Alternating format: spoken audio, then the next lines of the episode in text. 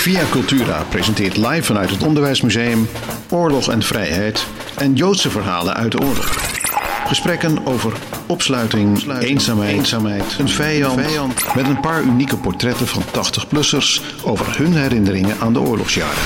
Presentatie Gertjan Kleinpas, de eindredactie Ilse Strier. Via Cultura, 75 jaar vrijheid. Vrijheid, vrijheid. van Via Cultura. Beeld en geluid. En we gaan hier 2,5 uur praten met 10 hele boeiende gasten. Over verhalen die een verwantschap hebben met oorlog, bevrijding, vrijheid. Hoe we omgaan met het vieren daarvan.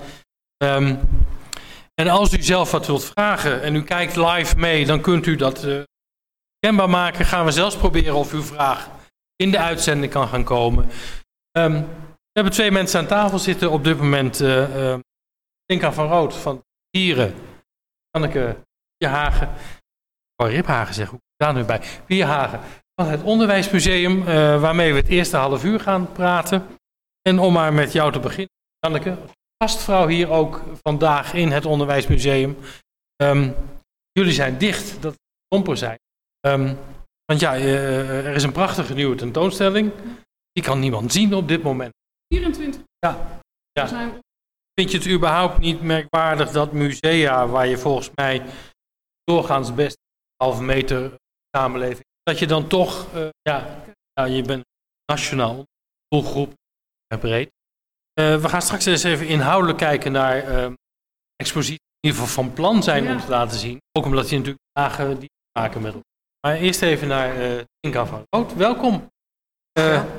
Leuk dat je de hele bult werk, zou ik bijna zeggen. Je moet dus wel op afstand 2200 mensen daar contact mee leggen. En Volgacties neem ik aan daaraan eh koppelen. Netwerk hebben. Zal er bij een groot aantal loop uitkomen dat het tegenvalt. Ja, nou, dat was één. Wij hadden de Aya Open, daar waar we kwetsbaar eigenlijk heel tegenkwamen. En natuurlijk hebben we ook wel, daar hebben we het door. Oké, dus dan, Ja. dan wordt er een eh, verbinding gelegd en dan, eh, dan komt dat weer goed. Want ik, ik moest ook even denken aan, eh, er was eigenlijk ook net in gang gezet zo'n actie vanuit de gemeente Dordrecht om eenzaamheid te bestrijden.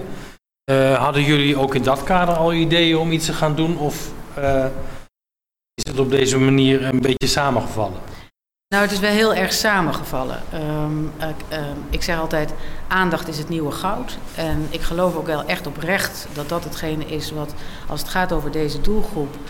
en eh, het risico als mensen langer eh, eh, thuis in de wijk blijven wonen... dat dat vereenzaming een eh, ehm, snel snelst groeiende ziekte is in deze samenleving. Ja, Dus in dat opzicht geloof ik ook wel echt dat aandacht ongelooflijk belangrijk is. Maar het kwam wel in een versnellingsproces als gevolg van corona. En dat mensen ook eh, eh, ja, echt thuis kwamen te zitten. Ja, Ja. nou, daar wil, wil, wil ik straks nog een aantal dingen van eh, weten. Maar ik spring weer even naar de andere kant van deze tafel. We zitten overigens keurig op anderhalve meter afstand van elkaar. Voor de kijkers die nu denken van hoe kunnen ze dit gesprek nu voeren. Nee, er zit keurig afstand tussen. Ehm, laten we eens gaan kijken naar eh, een stukje thematiek van... ehm, de tentoonstelling die dan straks hopelijk eh, voor iedereen eh, te zien zal zijn. En ik moet zeggen, persoonlijk verheug ik me daar ook wel uit. Want die tentoonstelling is eigenlijk wel de, ehm, ja, behandelt de opmaat naar de periode 40-45 die we natuurlijk helder op het netvlies hebben. Ja. Althans, zeker de ouderen onder ons. eh.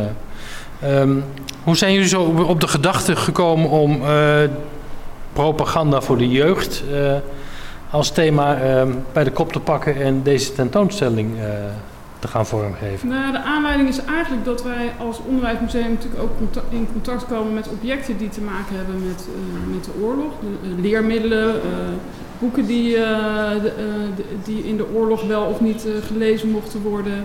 Eh, d- dus eigenlijk ja, alles wat in Nederland speelt aan eh, wat te maken heeft met de oorlog, eh, dat komen wij tegen. En door samenwerking eh, met andere projecten kwamen we eigenlijk met de Universiteit van Würzburg in contact en met Gerard Groeneveld, die een boek heeft geschreven Mhm. over de tentoonstelling of over de over nazi-propaganda voor de jeugd. En eigenlijk was dat een, een hele interessante combinatie, omdat, het, ja, omdat de Universiteit Würzburg heeft ook collectie en die had ook uh, aanvullende inzichten. en eigenlijk zijn we toen tot het idee gekomen om daar aandacht aan te besteden. En we wilden het eigenlijk eerst nog koppelen aan Nederland, maar we kwamen er eigenlijk door het maken van de tentoonstelling steeds meer achter dat we ja, echt alleen het, het, het Duitse verhaal verteld hebben. Omdat het eigenlijk niet te vergelijken is met wat er in Nederland gebeurd is. Het, is natuurlijk wel, het heeft natuurlijk wel verwantschap. Uh, maar het is toch een heel ander verhaal. Nou ja, ik, ik ben wel benieuwd wat je er uh, in die zin uh, uit kunt leren. Ook, ook als je het naar de Nederlandse situatie vertaalt. Ik keek gisteren naar de dodenherdenking. En ik geloof dat onze koning zoiets zei als... wat niet normaal is, moet je niet normaal gaan vinden. Mm. Maar juist propaganda is erop geënt om sluipender weg, zou ik bijna zeggen, dat wat niet normaal is, te presenteren ja. als volstrekt normaal. Ja. Nou ja, dat is ook wel echt een belangrijke aanleiding om deze tentoonstelling te maken. Dat we juist ook daar, juist door toch een, zo'n heftig onderwerp uh, in, de uh, in een tentoonstelling te vatten, dat je ook mensen ervan bewust maakt van hoe heeft het kunnen gebeuren. Want heel veel mensen hebben natuurlijk die, die vraag. En die vraag hebben wij ook in het museum nog steeds en met mensen waar we contact mee hebben van hoe heeft het kunnen gebeuren. En juist door er aandacht aan te besteden, ja, maak je mensen daar ook alert op. Dat het, ja, propaganda is natuurlijk in principe zo dat je het niet doorhebt. Mm -hmm. uh, en zeker als het propaganda is met, met, een, met een foute ideologie, dan moet je natuurlijk heel erg alert zijn en wil je gewoon niet dat dat op die manier weer gebeurt. Ja, en is dat nou ook straks de boodschap die de bezoekers aan de tentoonstelling um, er, er, makkelijk uit kunnen filteren en mee naar huis nemen na afloop? Nou, wat we eigenlijk in de tentoonstelling doen, is dat we de mensen komen echt in de, ja, in, in, in de, in de wereld van, van de jeugd zelf in die periode. Dus uh, we laten dingen zien in de huiskamer, maar ook op straat um, en ook op school. Dus en daar, daaruit blijkt eigenlijk hoe, uh, ja, hoe ontzettend vernuftig het in, uh, gegaan is, zeg maar. Dus hoe die ideologie langzaam er inderdaad insloop. En uh, ja, dat, dat er eigenlijk voor, uh, ja, er was haast geen ontkomen aan. Het, was, het zat echt in de haarvaat. De kinderen mm -hmm. uh, werden vanaf 33 natuurlijk al helemaal door, mee doordrenkt. En dat is, ja, geleidelijk aan werd dat natuurlijk steeds, werd hun een ideologie voor, een, een, toekomst voorgeschoteld. Ja, die natuurlijk niet, uh, ja, een foute toekomst, die ja, ja, ook nog in duigen is gevallen. Voor hun dan en voor ons natuurlijk gelukkig. Is het wat dat betreft gewoon een heel bewuste keuze dat je juist in het onderwijs, juist bij kinderen begint als je zo'n ideologie, zo'n zo'n maatschappijbeeld wilt, ja, wilt vestigen eigenlijk? Nou ja, de, in Nazi-Duitsland was, was de jeugd heel, ja, die werd wel, ze waren zich natuurlijk heel erg bewust van de kracht van beeld. Mm -hmm. dat, uh, en daar hebben ze gebruik van gemaakt. En zeker hebben ze gebruik gemaakt van de jeugd, omdat de jeugd had voor hun de was voor hun de toekomst, maar de jeugd is ook heel trouw. Dus die kan je daar heel goed nog in meenemen. Uh, en dat zie je ook in het onderwijs, dat uh, ze het onderwijs heel belangrijk vonden en dat ook de, de, de leerkrachten ges, gescreend werden. Uh, en als ze zeg maar niet de ideologie verkondigden en vertegenwoordigden, dan, ja, dan, moesten ze, ja, dan, dan kregen ze een reprimande. Mm -hmm. en, en, als dat nog een keer gebeurde, ja. dan gingen ze naar een concentratiekamp. Dus op die manier werd het ook echt, ja, werd, werd, werd het ook in de gaten gehouden. Ja, dus het is ook wel een systeem waarbij je. Um ja, nou ja, de, de bevolking uh, bijna Stasi-achtig ja. Uh, in de peiling houdt. Het is, zeg maar. het is misleiding, het is ja. indoctrinatie. Uh, ja. En ja. daar moeten we natuurlijk voor uitkijken dat dat niet nog een keer gebeurt. Lijkt mij heel belangrijk dat we daarvoor uitkijken. Um, dat, nou ja, dat was ook de oproep van de koning gisteren. Je hebt ook gekeken gisteren naar, naar, naar, de dodenherdenking en de kransleggingen. Imponerend, zo'n ja. leeg plein. Ja. ja. Ik, nou ja, en uh, ik, ik zag ook de toespraak van uh, Arnold uh, Grunberg in, die, in die lege kerk. Ook die hele lege kerk vond ik bijna indrukwekkender dan wanneer die vol zou zitten. De intimiteit van de leegte vond ik echt mm. indrukwekkend. Ja. Uh, wat ik een mooi beeld vond, en dat, dat sluit misschien ook weer een beetje aan op uh, het bruggetje naar het gesprek met ouderen, was dat bij de kranslegging je ook heel mooi in beeld had dat de kransen werden gelegd namens uh, ouderen. En dan werd het verhaal verteld door een kleinkind of een zoon. dat vond ik ook een heel warm, op, indrukwekkende manier om dat verhaal zeg maar over te dragen. Um, als we nou kijken naar de verhalen die die ouderen met jullie hebben gedeeld heb je ook zicht gekregen op hoe dat in hun eigen netwerk zich doorzet?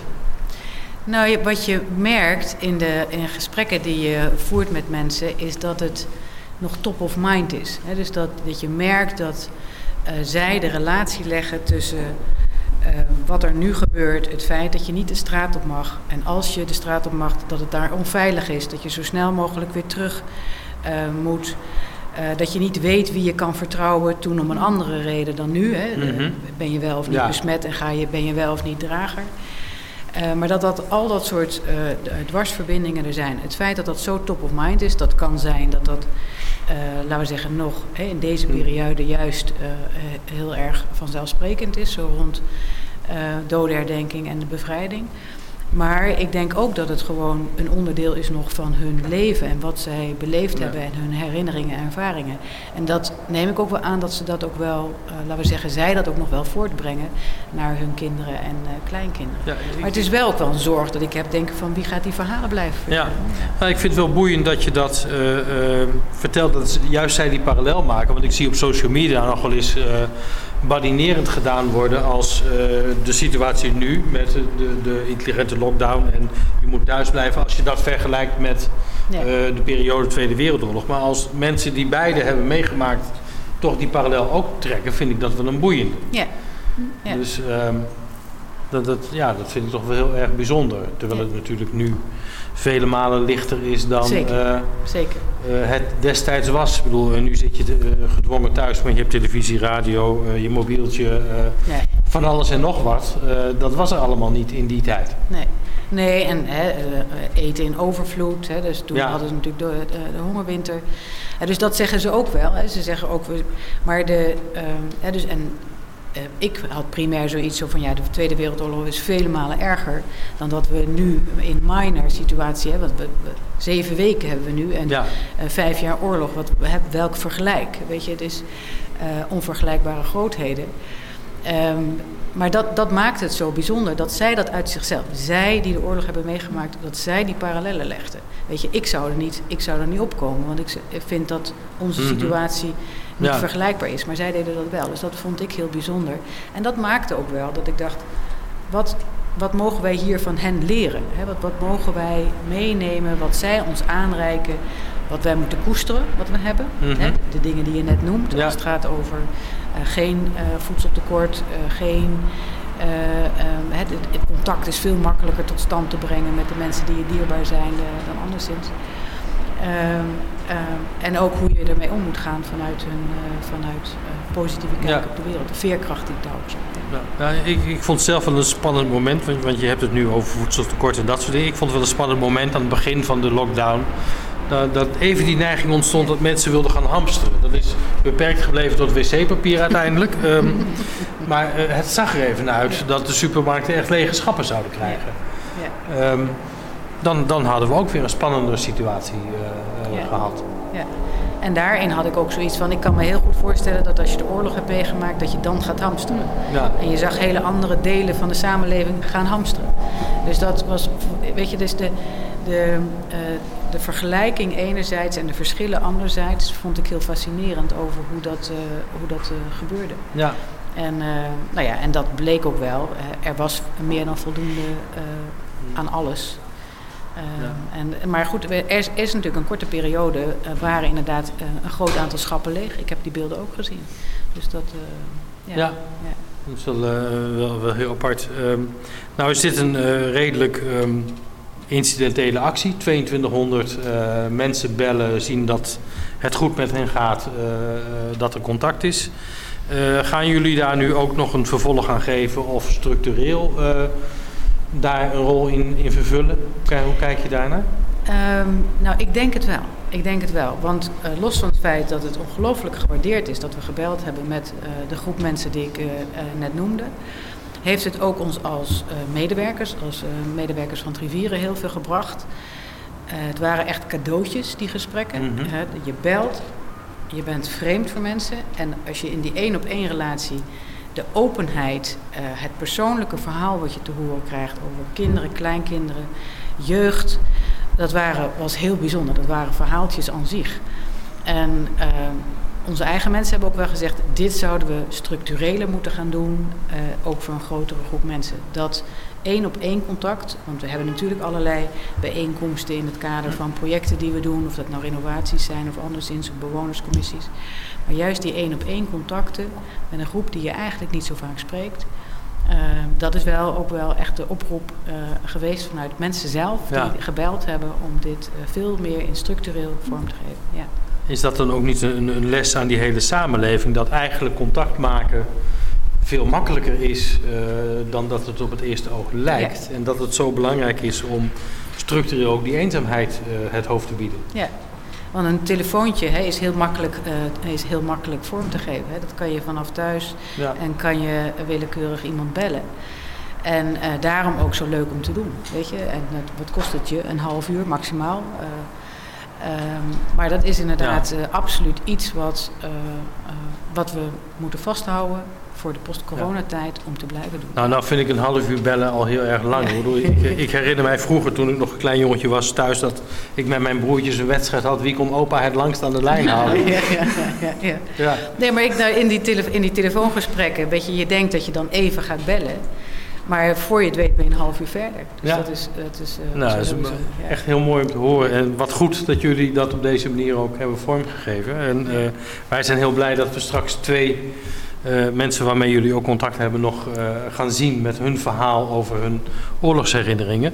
We gaan even terug naar uh, de tentoonstelling en het gevaar van propaganda. Ik heb begrepen dat jij een boek hebt meegenomen. Ja, ik heb een voorbeeld meegenomen om te laten zien eigenlijk hoe vernuftig die propaganda, beeldpropaganda in, in zijn werk ging. Uh, ja, dit is eigenlijk een heel schattig, zoetsappig boekje. Uh, voor de allerkleinste kinderen. Die lag gewoon in de huiskamer. Uh, ja, Wat je het, tegenwoordig een prentenboek noemt. Een prentenboek, ja. ja. Uh, met hele lieflijke plaatjes. Maar het is wel heel erg militaristisch. Dus ja, dit is al het eerste voorbeeld dat militarisme... wat heel belangrijk was voor, voor de natie... en dan hebben we het over begin jaren 30. Uh, deze is van 33. Dus dit is echt het eerste jaar uh, dat, uh, dat de nazi's aan de macht waren. En je ziet ook, ja, je ziet ook echt de, alles al terugkomen wat je later terug ziet met de Hitlerjugend. Hmm. Alle uniformen, maar ook de rol van de meisjes. Dat zie je hier dan. Dat je ook echt ziet dat de meisjes echt, ja, echt al meekregen dat ze een verzorgende taak kregen. Ja. Maar het is ook allemaal in het kader van, uh, toch wel van, van oorlog. Dus het is, ja, dat is natuurlijk toch wel heel bizar dat dat dus op die manier al begon. Uh. Ja, dus eigenlijk, ik bedoel, 33 kwam Hitler uh, zo'n beetje aan de macht. Uh, hij had de blauwdruk al klaar van wat hij wilde gaan bereiken eigenlijk. Ja, dat, dat, de, daar zat natuurlijk een heel uh, systeem achter. En wat je ook wel ziet is, het kwam vanuit de Nazi-partij, maar er waren ook wel initiatieven van fabrikanten zelf. Je hebt bijvoorbeeld albums met sigarettenplaatjes, die konden kinderen dan sparen. Eigenlijk Mhm. een beetje wat je nu hebt ja, met, met supermarkten, dat je een actie hebt Ja. en daar kunnen ze dan sparen. Maar dat waren wel, daar kwamen alle, ja, alles wat de nazi-partij van belang vond, dat, de, ja, die plaatjes konden ze dan sparen en in een album eh, Ja, plakken. Dus dat is natuurlijk ook heel raar, dat de kinderen hun ouders aanzetten om lekker te roken. Dat is natuurlijk achteraf helemaal raar. Ehm, maar zeker Ja, als je ziet welke plaatjes eh, ze dan gingen sparen. En, Ja. Maar dat werd dus niet door de partij opgelegd, maar dat kwam van de fabrikanten. Dus die gingen daar ook wel, ja, de, de- eh, eh, ja, die gingen daar ook wel in mee. Dus ja, zo zie je dat het. je, je, kreeg, je kreeg inhakers. ja, ja, ja, zeker. Dus dat komt helemaal terug in de. Ja, dat geeft ook wel aan hoe doordrenkt het in de samenleving was. Ja.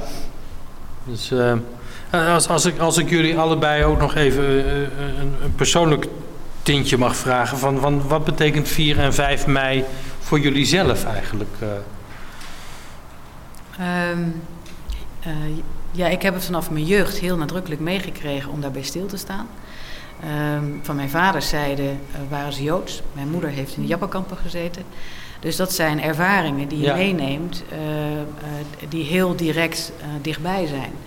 He, dus het, het, het vieren of herdenken eerst van dodenherdenking mm -hmm. en het vieren van vrijheid, van de mogelijkheden die we hebben, uh, is er eentje die uh, uh, van jongs af aan in zit en die ik ook meegeef aan mijn kinderen. Ja, ja. dat is heel boeiend. En hoe is dat voor jou? Ja, ik heb het ja, altijd wel heel indrukwekkend gevonden. en vooral ook Via de, cultuur. de verhalen erachter. En je wordt natuurlijk, zodra je ouder wordt, merk je ook dat het dat, het, dat er diverse verhalen zijn, zeg maar. Dat mm -hmm. het niet één uh, oorlog is en niet één uh, bevrijding. Uh, en ik, ik, moet eerlijk zeggen dat ik, wat ik zelf wel lastig vind, is dat ik vier, op 5 mei moet ik altijd zeggen dat ik nog best wel... Ik vind die overgang van 4 naar 5 mei altijd best wel ja, ga, het zit best wel dicht op elkaar. Ik ben eigenlijk 5 is... mei nog niet echt gezegd uh, toe, toe. dat ik het kan vieren, zeg ja. maar. Het, het, heeft nog te veel impact. Ja.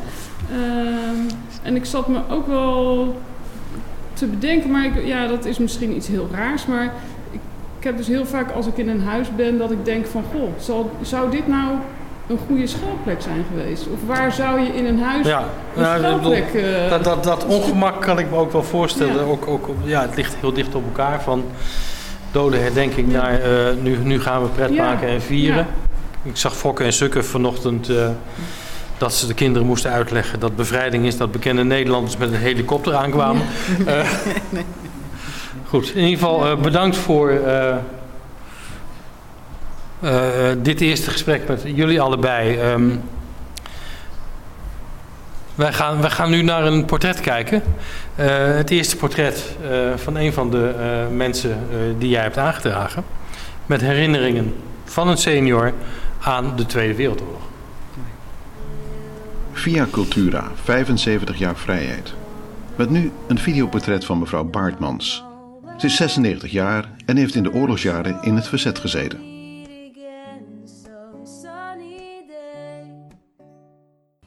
Goedemiddag, uh, we zijn hier uh, in uh, een appartement van Svinhoven in Zwijndrecht. En naast mij, op ruim anderhalve meter afstand, zit Jannie Baartmans, waarvan haar meisjesnaam Smit. En mevrouw Baartmans is al 96 en heeft de oorlog dus heel bewust meegemaakt in, in, in de tijd. toen woonde u in Utrecht, u bent daar geboren. 5 januari 1914. En u was de jongste in het gezin, begreep ik, met twee oudere broers. Ja, u woonde in een groot huis op de Nieuwe Gracht.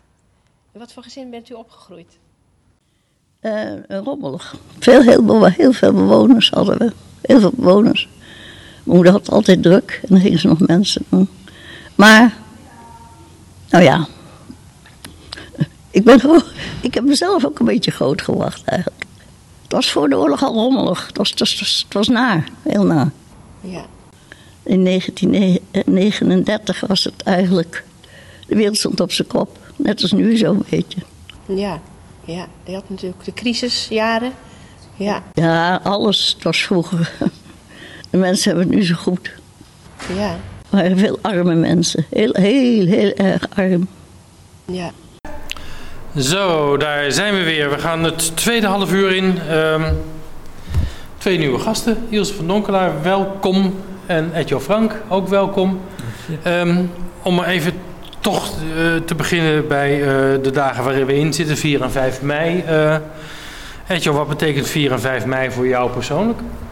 Nou, dat is eigenlijk mijn hele leven al een hele zware tijd. En voor mij drukt 4 mei 100 keer zo zwaar als dat 5 mei voor mij een stukje oplichting en bevrijding geeft. Ja, ik vraag het natuurlijk ook niet voor niets, want 2 mei konden we uh, jouw verhaal ook in de krant lezen.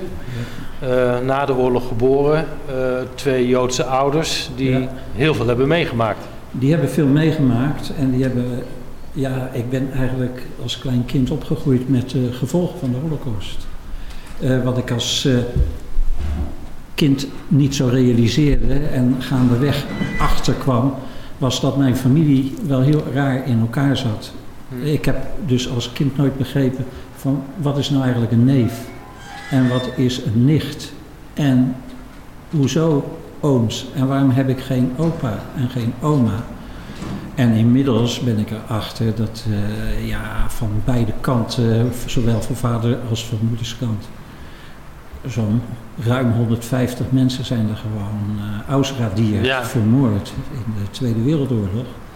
En ik ben ook nog een aantal mensen die gewoon zoek zijn uh, uit mijn familie, waar ik nog steeds geen spoor van heb kunnen terughalen. En daar, daar, je, je zoekt actief uh, in de geschiedenis of je daar sporen van kunt vinden? Nou, de, het zijn vooral andere mensen die uh, dat voor mij uitzoeken, omdat ik niet zozeer, ook al door die geschiedenis, achter mijn eigen familie zelf ben aangegaan. Mm -hmm. Maar wel de sporen heb geprobeerd te traceren van ja, wat was er eigenlijk voordat die ellende uh, gebeurde? Dus ik ben veel naar Oost-Europa gegaan. Uh, ik ben naar de oude uh, geweest, waar Joodse gemeenschappen woonden en waar eigenlijk niks meer van over is. Ja. En de ruïnes bezocht van wat eens synagoges waren, bijvoorbeeld in de Oekraïne en in Litouwen en zo. Ja, Oké, en even als we uh, naar jou gaan, Ilse. Uh, ja. Welke waarden hebben 4 en 5 mei uh, voor jou? Vooral 4 mei. Um, dat was bij ons thuis elk jaar altijd een moment dat we stil waren. En wat we vaak dan ook deden was de deur open naar de tuin en in de tuin staan. Om dan eraan te denken. Um, mijn vader uh, heeft uh, hier in Nederland de oorlog uh, meegemaakt in Amsterdam. Mm -hmm. Was een puber en bracht verzetskrantjes rond. Mijn moeder heeft de Tweede Wereldoorlog in Nederlands-Indië doorgemaakt. In het ehm, kamp, Jappenkamp. Maar dat wist ik eigenlijk niet als kind. Ja. Dat wist ik pas veel later. Dat is een verhaal wat ze ook niet dat vaak vertelde. Niet.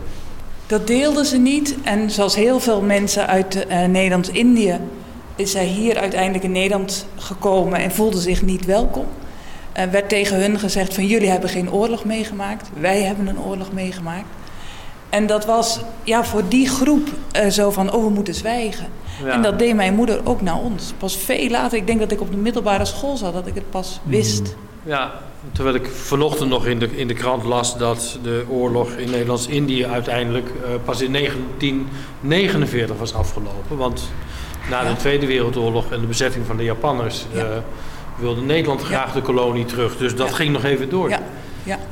En voor mijn moeder was daar, daarom ook 4 mei, uh, waar het heel groot herdacht wordt, altijd ook een beetje pijnlijk, omdat op 15 augustus, waarin Nederlands-Indië bevrijd werd um, veel minder aandacht was. Zeker nu is dat wat meer, maar in het begin uh, was dat helemaal niet zoveel aandacht voor. Ja.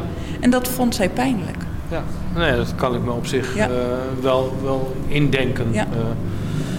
Dat, ja, het blijft altijd lastig als je het niet mee hebt gemaakt. En ik, ik ben nu eenmaal van na de oorlog. Ja, maar, ik ook. Ja, ja dus, oké. Okay.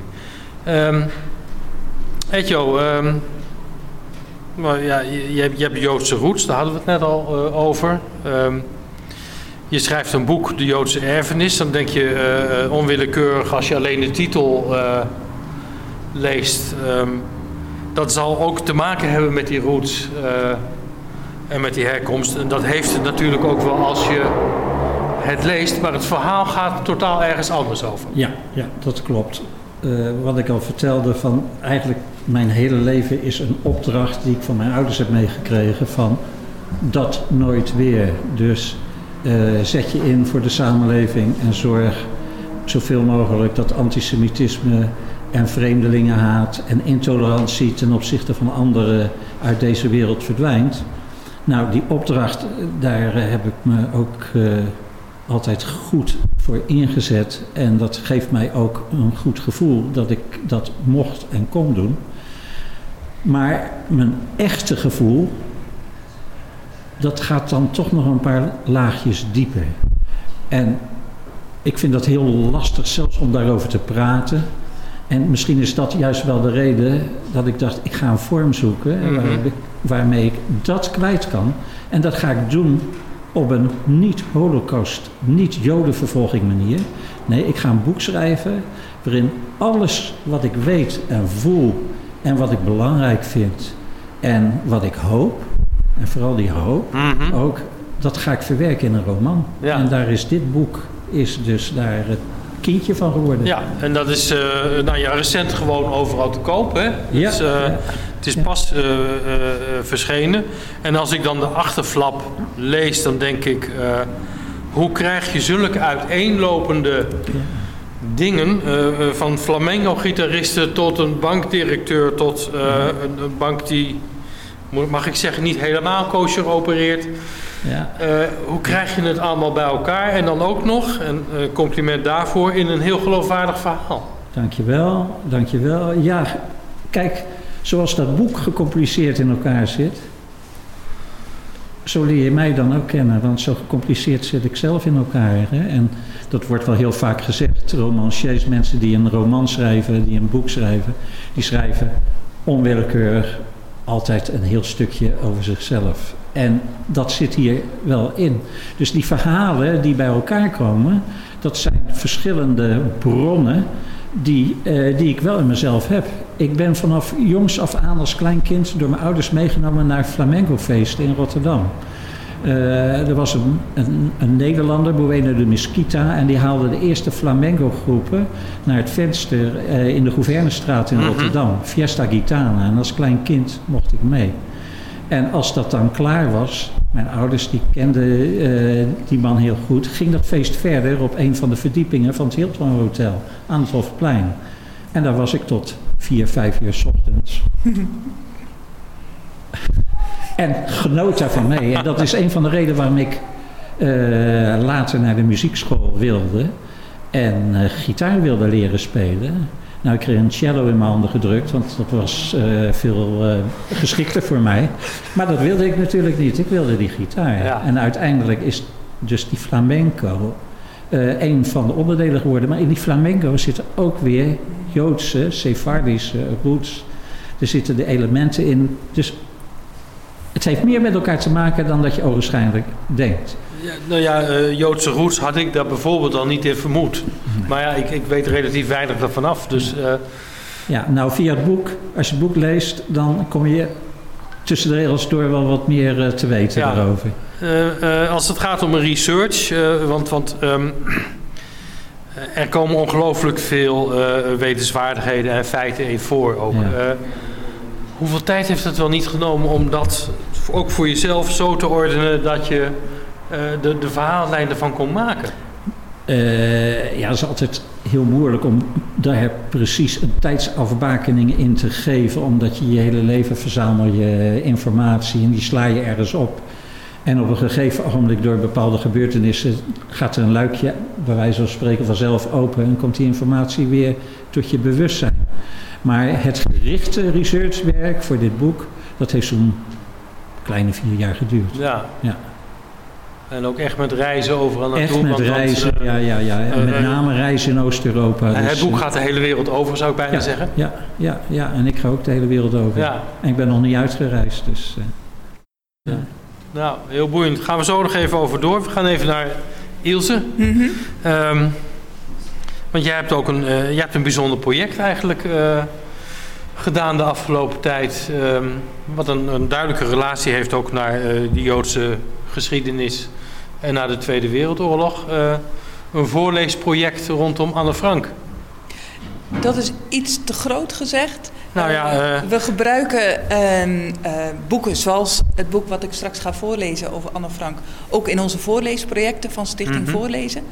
En ehm, er is onlangs, een paar jaar geleden, ehm, een, een prentenboek over het verhaal van Anne Frank verschenen. En iedereen kent natuurlijk het, het verhaal van Anne Frank en de dagboeken eh, gelezen. Maar dit is een heel klein verhaal met heel prachtige illustraties. En dat is eigenlijk voor oud en jong eh, een boek, een must-have en een must-read. En dit heb ik vorig jaar eh, aan mensen in het parkhuis voorgelezen. En het was ook, merkte ik, precies goed qua emotie. Mhm. Uh, want de groep um, bewoners die we daar voorlezen, is, heeft, hebben allem, heeft allemaal de, de, de, Tweede Wereldoorlog meegemaakt, hebben daar hun pijn en hun herinneringen aan. En dan is het ook niet altijd goed om daar heel diep in te gaan. Uh, omdat je zeker met mensen met dementie, waar wij aan uh, voorlezen, je dan soms in het verdriet kan blijven hangen. En dat willen we Mhm. niet in dit voor. Maar we willen het wel aanraken, omdat het wel in hun leven bestaat. Ja. En toen heb ik dit prentenboek volgelezen en het was echt. Het herinnerde hun aan de ellende en het herinnerde hun ook aan de hoop. Want het dagboek is gevonden door de vader van eh, Anne Frank en is uitgegeven en door miljoenen gelezen. ja. Ja, en ik las het laatst voor aan een buurjongen van zeven. Die vroeg aan mij: Ilse, heb jij ook een boek voor kinderen over de oorlog? Want hij had daar iets over gehoord en hij wilde daar wel wat meer dan, over weten. dan- Ik zeg, dan, begint, ik, heb, dan begint wel de honger van ik wil er meer over weten. ik zeg, ik heb Anne Frank, ik ga het Ja. voor je pakken. En hij vond het ook, en voor hem ervaarde ik ook weer precies genoeg. En ook de impact van wat er gebeurd is, eh, nou ja, dat komt in elke bladzijde naar voren. Ja, nu hadden we in het eerste eh, half uur Tinka van Rood van Trivieren hier te gast. Die eh, een, een, een belactie met ouderen had opgezet. Omdat ja, het fysieke contact nu heel lastig was. Jij hebt het voorgelezen gewoon in het parkhuis. In aanwezigheid van Ja. die ouderen. Ehm, Ja. Ja, wat, wat, wat, wat, wat deed dat met ehm, Wat je met- zag was eigenlijk ja, alle emoties die je altijd ziet als je over de Tweede Wereldoorlog praat met mensen die het meegemaakt hebben. Is eh, ontroering, verdriet. Ook sommige mensen trekken zich terug, willen er niks van weten. Anderen zijn blij dat het gezegd eh, wordt. Eh, dus je hebt een middel, het boek, om over die periode nog eens te praten.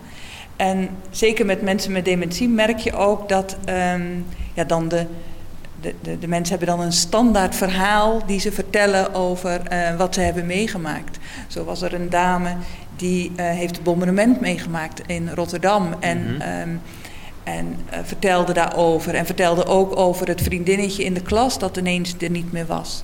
En dat ze daar nog steeds verdrietig over was. En ze kreeg ook tranen in haar ogen toen ze weer over dat meisje uit de klas vertelde. Ja, dus je, ja, je maakt, je raakt iets aan waardoor emotie vrijkomt en je het erover kan hebben. Want ik denk dat dat zo ongelooflijk belangrijk is dat je het, dat je het steeds blijft vertellen Ja, en ja. blijft erover En- praten. En, en, en ik snap ook wel dat die emotie weer boven komt. We zagen Ja. net ook in het eh, portret van mevrouw Baartmans dat eh, eh, het haar ook gewoon, 96 is ze nu, weer emotioneert als ze erover Ja. praat. Ja. Eh, eh, dat is denk ik ja, eh, ook, ook volstrekt logisch Ja. dat dat gebeurt. Ja. En voor mij is Anne Frank heb ik gelezen als kind. En ik zelf zie boeken en verhalen hebben twee functies, grofweg gezegd. Ze kunnen een spiegel zijn, mhm. dus dan herken je jezelf in het verhaal. Maar ze kunnen ook een raam zijn waar je doorheen kijkt om een ander soort leven te kunnen leren kennen en te kunnen begrijpen. En voor mij was het dagboek van Anne Frank echt dat raam. Ja. Oké, ik vind Ja. dat wel een mooi bruggetje even weer naar, eh, naar Etjo. Eh, is dit nou een spiegel of een raam?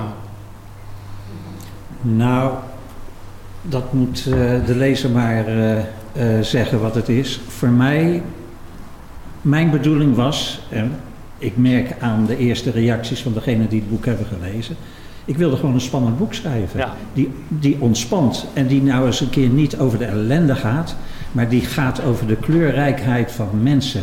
En mensen hebben zoveel verschillende facetten, zoveel kleuren in zich. Eh, je komt leuke en rare en nare joden tegen in het boek. En je komt ook leuke en rare en nare niet-joden tegen in het boek. En eh, ze doen soms dingen waarvan je absoluut zou verwachten dat ze dat niet zouden doen. En dat heb ik geprobeerd gewoon in een spannend jasje te stoppen, zodat het gewoon leuk en plezierig Ja. is om, eh, om te lezen. Ik vertelde al dat dat toch aardig, aardig goed gelukt is. Hè? Eh, en vandaag verschenen volgens mij de eerste reacties van lezers Ja, op ja. social media. Ja, ja. Overwegend lovend. Mensen die wel geraakt worden door het, door het verhaal en Ja, eh, de, de, de compleetheid ervan. Dus dat, Dat, is, hoopte ik in ieder geval, Ja. dat dat zou gaan gebeuren. En dat moet je altijd maar afwachten of dat, eh, of dat werkelijk zo is.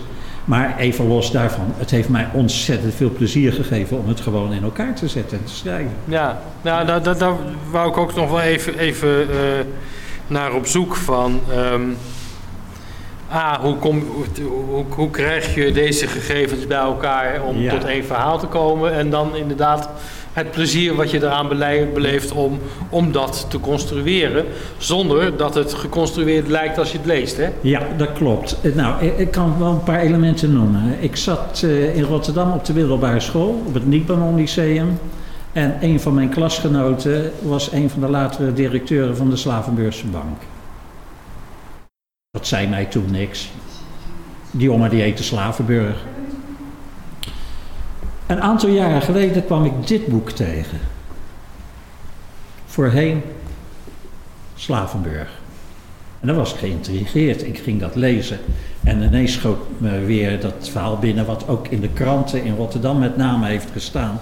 Over het schandaal wat er op de Koolsingel heeft Het is plaatsgevonden. een soort de prooi af van eh, letteren, hè? Ja, dit is geschreven door een hele jonge Robert van der Roer. Hij is nu internationaal heel bekend, maar hij begon als een jonge speurneus bij de NRC. En hij kwam, toevallig kwam die, eh, eh, dit plot tegen, namelijk dat er een heleboel zwart geld eh, gesjoemel op de Koolsingel plaatsvond, wat bijna het einde van, de he- van het hele Nederlandse bankwezen tot gevolg heeft gehad. Er zijn Fiat-invallen geweest, Mhm. zijn arrestaties geweest. Kortom, ik dacht dat moet ik lezen en ik was zo geïntrigeerd, ik denk daar ga ik wat mee doen. Eh, dat heb ik geprobeerd ook een beetje te koppelen aan de verhalen die ik ken eh, uit mijn familie over Joodse zakenmensen. Een van de figuren die hierin voorkomt, eh, ik heb alleen zijn voornaam veranderd, dat is Carranza. Hè, dat is die, eh, die eh, schooier- Joodse schooier uit Amsterdam die voor een dubbeltje geboren werd en miljonair is geworden. Maar ook de keerzijde van, van die rijkdom is tegengekomen, namelijk ontvoering enzovoort. Mhm. En eh, nou, dat is een van de elementen eh, in dat boek. En wat ik al vertelde, mijn, eh, mijn Joodse roots zitten daarin mee. We hadden het over 4 mei. Ik wil er nog wel even kort een anekdote over vertellen. Ja, ik was graag. een jaar of vier of vijf. Ik moest mee naar de dodenherdenking. Terwijl ik amper wist wat dat was. En om half acht zat ik op de schouders van mijn vader op het Stadhuisplein in Rotterdam. Eh, omdat ik niks kon zien, mocht ik op zijn schouders zitten. En toen was het eh, bijna tijd dat de dodenherdenking ging plaatsvinden. En toen was er wat oproer. Eh, de deuren van het stadhuis gingen open. En er kwamen mensen naar buiten. En ik vroeg aan mijn vader, goh, wie is dat? Nou, dat is de burgemeester. Dat is de burgemeester Thomas. Oh, oh. En wie is die man met die grote baard die daarnaast loopt? Nou, dat is de Joodse rabbijn van Rotterdam. Oh. En er loopt ook nog een meneer met een heleboel medailles in een uniform. Wie is dat dan? En ik voelde mijn vader onder mijn billen verstijven in zijn schouders. En hij zei van, dat is meneer X. Dat is nu een hele hoge politieambtenaar van Rotterdam. En die man heeft in de Tweede Oor- Wereldoorlog jouw opa en oma uit huis gesleept. Nou, dat maak je mee Ja. als heel jong kind. En dat is iets, ik voel het nog onder mijn billen. Oké, helder. Eh, ik ga weer even naar Ilse, want eh, ik vind het wel leuk om iets van dat boek eh, ook, ook gewoon te ervaren en te zien natuurlijk. Dat is goed. Ehm, het boek heet, heel toepasselijk, Anne Frank. En eh, het is geschreven door Maria Isabel Sanchez Vegara. En de illustraties zijn gemaakt door Sveta Dorosheva, uitgegeven door de vier windstreken. Anne was een klein Joods meisje dat werd geboren in Duitsland. Samen met haar ouders en haar zus Margot woonde ze in Frankfurt, waar ze heel gelukkig was. Toen Anne vier jaar was, werd een man met een kleine zwarte snor de baas in haar land. Zijn naam was Hitler. Hij haatte alle Joden en wilde dat ze zouden verdwijnen. Gelukkig kon de familie van Anne naar Nederland verhuizen, waar het wel veilig was en waar ze rustig konden wonen, zoals alle andere mensen. Maar toen viel Hitler met zijn nazileger half Europa binnen en ook Nederland werd bezet. Na een tijdje moest Anne een gele ster op haar kleren dragen en ze moest naar een speciale school, omdat ze Joods was. Nu, nu zie ik ook de hele mooie tekeningen erbij. Ja. Ehm, het boek is helemaal in zwart-wit uitgevoerd? Of? Het boek is in het begin helemaal in zwart-wit uitgevoerd. En als dan het dagboek gevonden wordt, is het dagboek in kleur.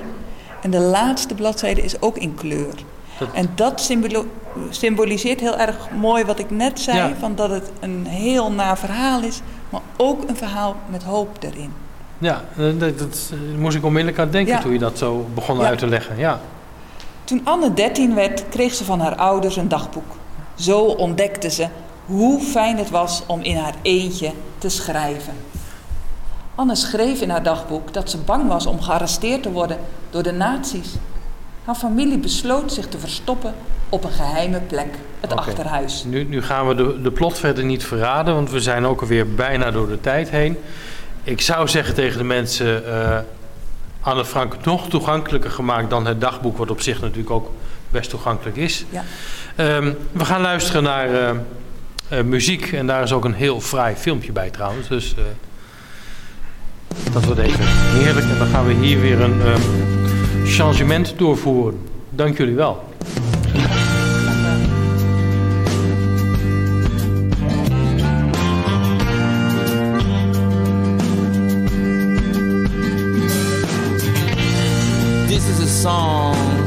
About the unknown hero. And he don't want to be this hero. Men in the street trying to survive. Don't stuck with the brothers that keep them alive. You lose your direction, doesn't make you a fool. Just follow the rules don't mean you're not cool.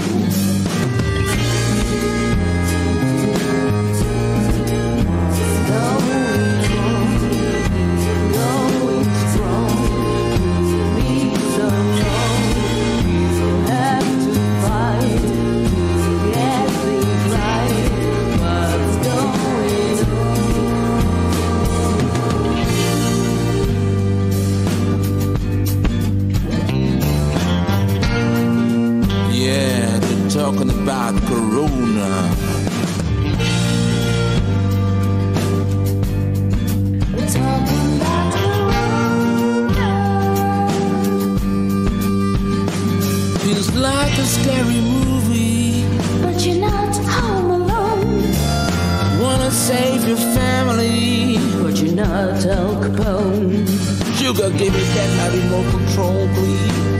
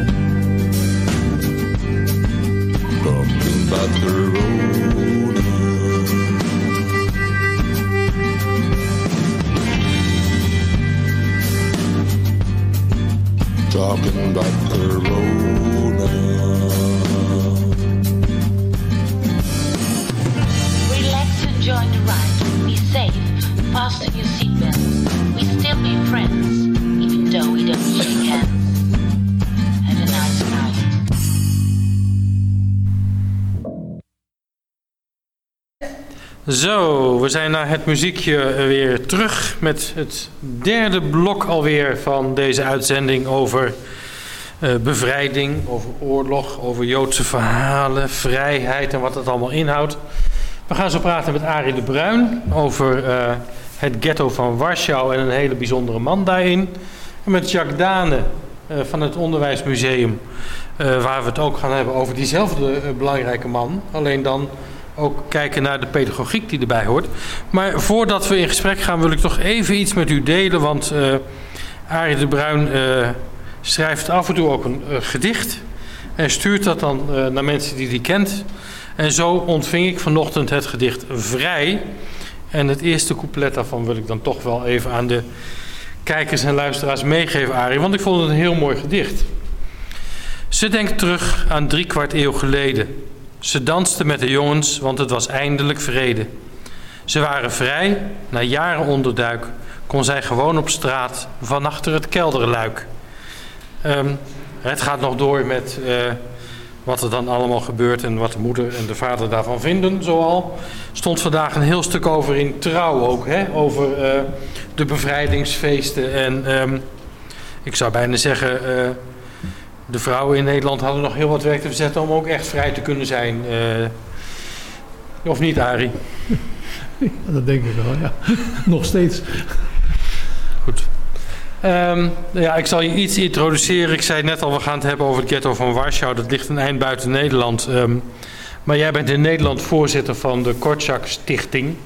En Korczak is de man waarover we het gaan hebben. Maar ehm, misschien even in in een nutshell een voorproefje over wat voor man is dat dan? Waar hebben we het over? Eh, Janus Korczak eh, was een Joods-Poolse pedagoog. Oorspronkelijk was hij geen pedagoog, hij was een kinderarts. En hij begon een eh, weeshuis in Warschau.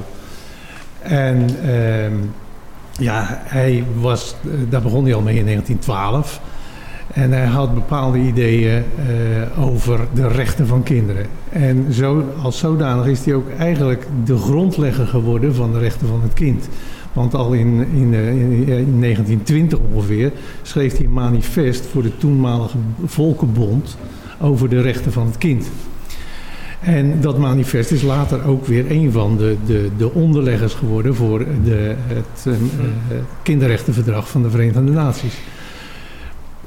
Eh, en hij probeerde, behalve wat hij van alles en nog wat opschreef, hij probeerde in dat weeshuis die kinderrechten ook daadwerkelijk te praktiseren. En dat ging heel ver. Kinderen eh, kregen Gaan we, gaan we, gaan we, straks wat. Ja. gaan we straks wat dieper op in, voordat we de hele inhoud eh, Ja.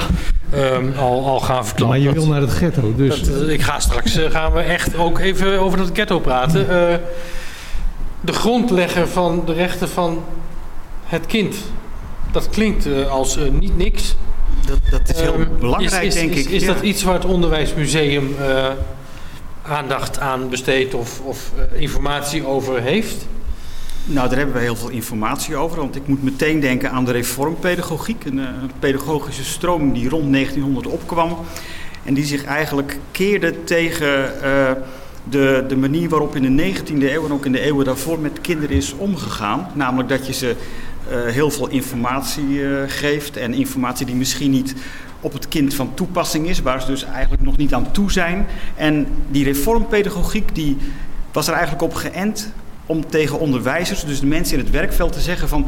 kijk nou eens goed naar dat kind. Wie is dat kind? Wat kan dat kind? En ja, dat, dat is eigenlijk het begin van een, van een pedagogiek die nog steeds eh, aan de gang is. En, en, en Kortschak was daar, eh, was daar onderdeel van. Ja, is, is, is daar nu altijd een soort spanningsveld tussen dat zoeken naar wie is dat kind, wat kan dat kind aan de ene kant en aan de andere kant van het spectrum het heel erg aanbodgerichte van er is een curriculum en dat moeten we eh, eh, in dat kind zien te proppen. Dat, nou, die spanning die is eigenlijk altijd al geweest in het onderwijs, denk ik. En, en, want ook in de 19e eeuw had je al pedagogen die zich dus richten op, op, op de persoonlijkheid van het kind, maar dat waren maar een paar. Dat waren echt de, de mensen die ja, voorop liepen. En in die 20e eeuw is dat uh, heel erg tot bloei gekomen eigenlijk. En is er ook op de pabo's uh, aandacht gekomen voor de psychologie van het kind en de pedagogiek Mhm. van het kind. Ja, en, en eh, ik, ik moet dan onwillekeurig ook denken aan de tentoonstelling die jullie, als jullie weer open mogen, eh, gaan laten zien. Ja. Eh, want die gaat eh, niet zozeer uit van wie is dat kind, wat kan dat kind. Die gaat ervan uit van zo willen we dat de kinderen zich ontwikkelen. Nou, het ironische is dus dat die reformpedagogiek eigenlijk zijn wortels heeft in Duitsland. En dat de nazi's eh, de, de, ja, de krenten uit de pap hebben gehaald van die reformpedagogiek. Want ze wisten van, hoe kunnen we kinderen nou voor ons winnen? Dat kunnen we door ze bijvoorbeeld hele mooie plaatjes voor te schotelen. En ja, ze, ze kenden de techniek van kinderen dus beïnvloeden. En wat ze deden was dus ja, waar kinderen eigenlijk in opgevoed moeten worden in een sfeer van je moet kinderen verschillende standpunten laten zien. Je moet ervoor zorgen dat kinderen uit verschillende bronnen hun eigen mening kunnen vormen. Wat, wat Kortschak volgens mij ook heel erg belangrijk vond. Want die heeft bijvoorbeeld voor die kinderen een krant gemaakt. Dat ze dus zelf hun verhalen konden vertellen. En de nazi's die dachten van ja, dat moeten we niet hebben. We geven een eendimensionale opvoeding. Die kinderen worden naar één straat geleid en daar mogen ze in. En die andere straten, die moeten ze allemaal eigenlijk niet ingaan. En die werden ook voor die kinderen afgesloten. Ja.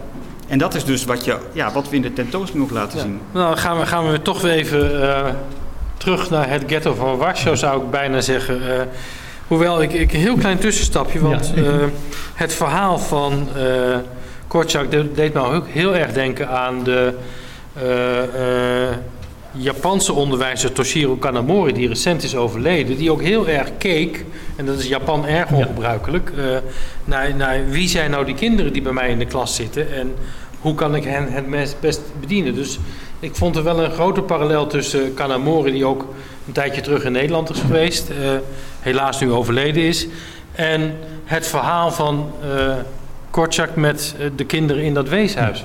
Kanamori werd ook wel de Korczak van Japan genoemd. Dus vandaar, hij, hij was ook sterk door hem beïnvloed.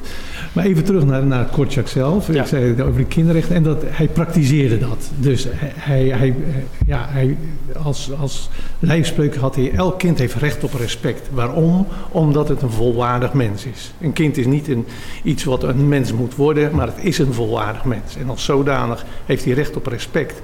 En op alle mensenrechten die voor ieder gelden. En dat, hij ging heel ver in zijn weeshuis. Hij had bijvoorbeeld een kinderrechtbank. Waar, waar ook volwassenen ter verantwoording konden worden Mhm. geroepen. Hij maakte een kinderkrant, is net al aan, aan gerefereerd. Maar ook in, zijn onder, in het onderwijs, wat hij eh, op de scholen, hoewel er niet een echte school bij verbonden was, want die kinderen gingen naar andere scholen, maar daar had hij ook wel invloed op. Probeerde die leraren voortdurend bewust te maken van dat kind is een persoon, is een eigenheid. Met alle mogelijkheden van dien. En toen kwam 1939. En in die periode daarvoor was het antisemitisme in Polen ook al bijzonder eh, sterk. Hij, Kort- Janus Korczak is een pseudoniem, want hij heette Henrik Goldschmidt, een Joodse naam. Als hij onder die naam zou publiceren, was hij niet bekend geworden. Nee. Want het antisemitisme was daar zeer groot. Toen kwam 1939 en in 1940 moest het, het weeshuis, eh, alle kinderen moesten verhuizen naar dat ghetto. Daar kregen ze een oud krot. En dan moest hij met Ja. 200 kinderen zien te overleven. En hij probeerde op alle mogelijke manieren hoog te houden waar hij voor stond. Ook met die kinderen. Dus wat deed hij? Hij liet die kinderen niet aan hun lot over. Terwijl het in het ghetto eigenlijk niet nauwelijks anders kon. Want er was praktisch geen eten of wat dan ook. Nee, hij organiseerde onderwijs. Hij organiseerde theatervoorstellingen. Hij organiseerde eh, ook voedsel voor kinderen.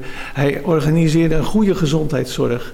En ja, op die manier was hij een soort oase in, in dat ghetto. Maar is dat dan ook de periode waardoor we hem vooral als pedagoog zijn gaan kennen en niet, niet als de arts die die oorspronkelijk was?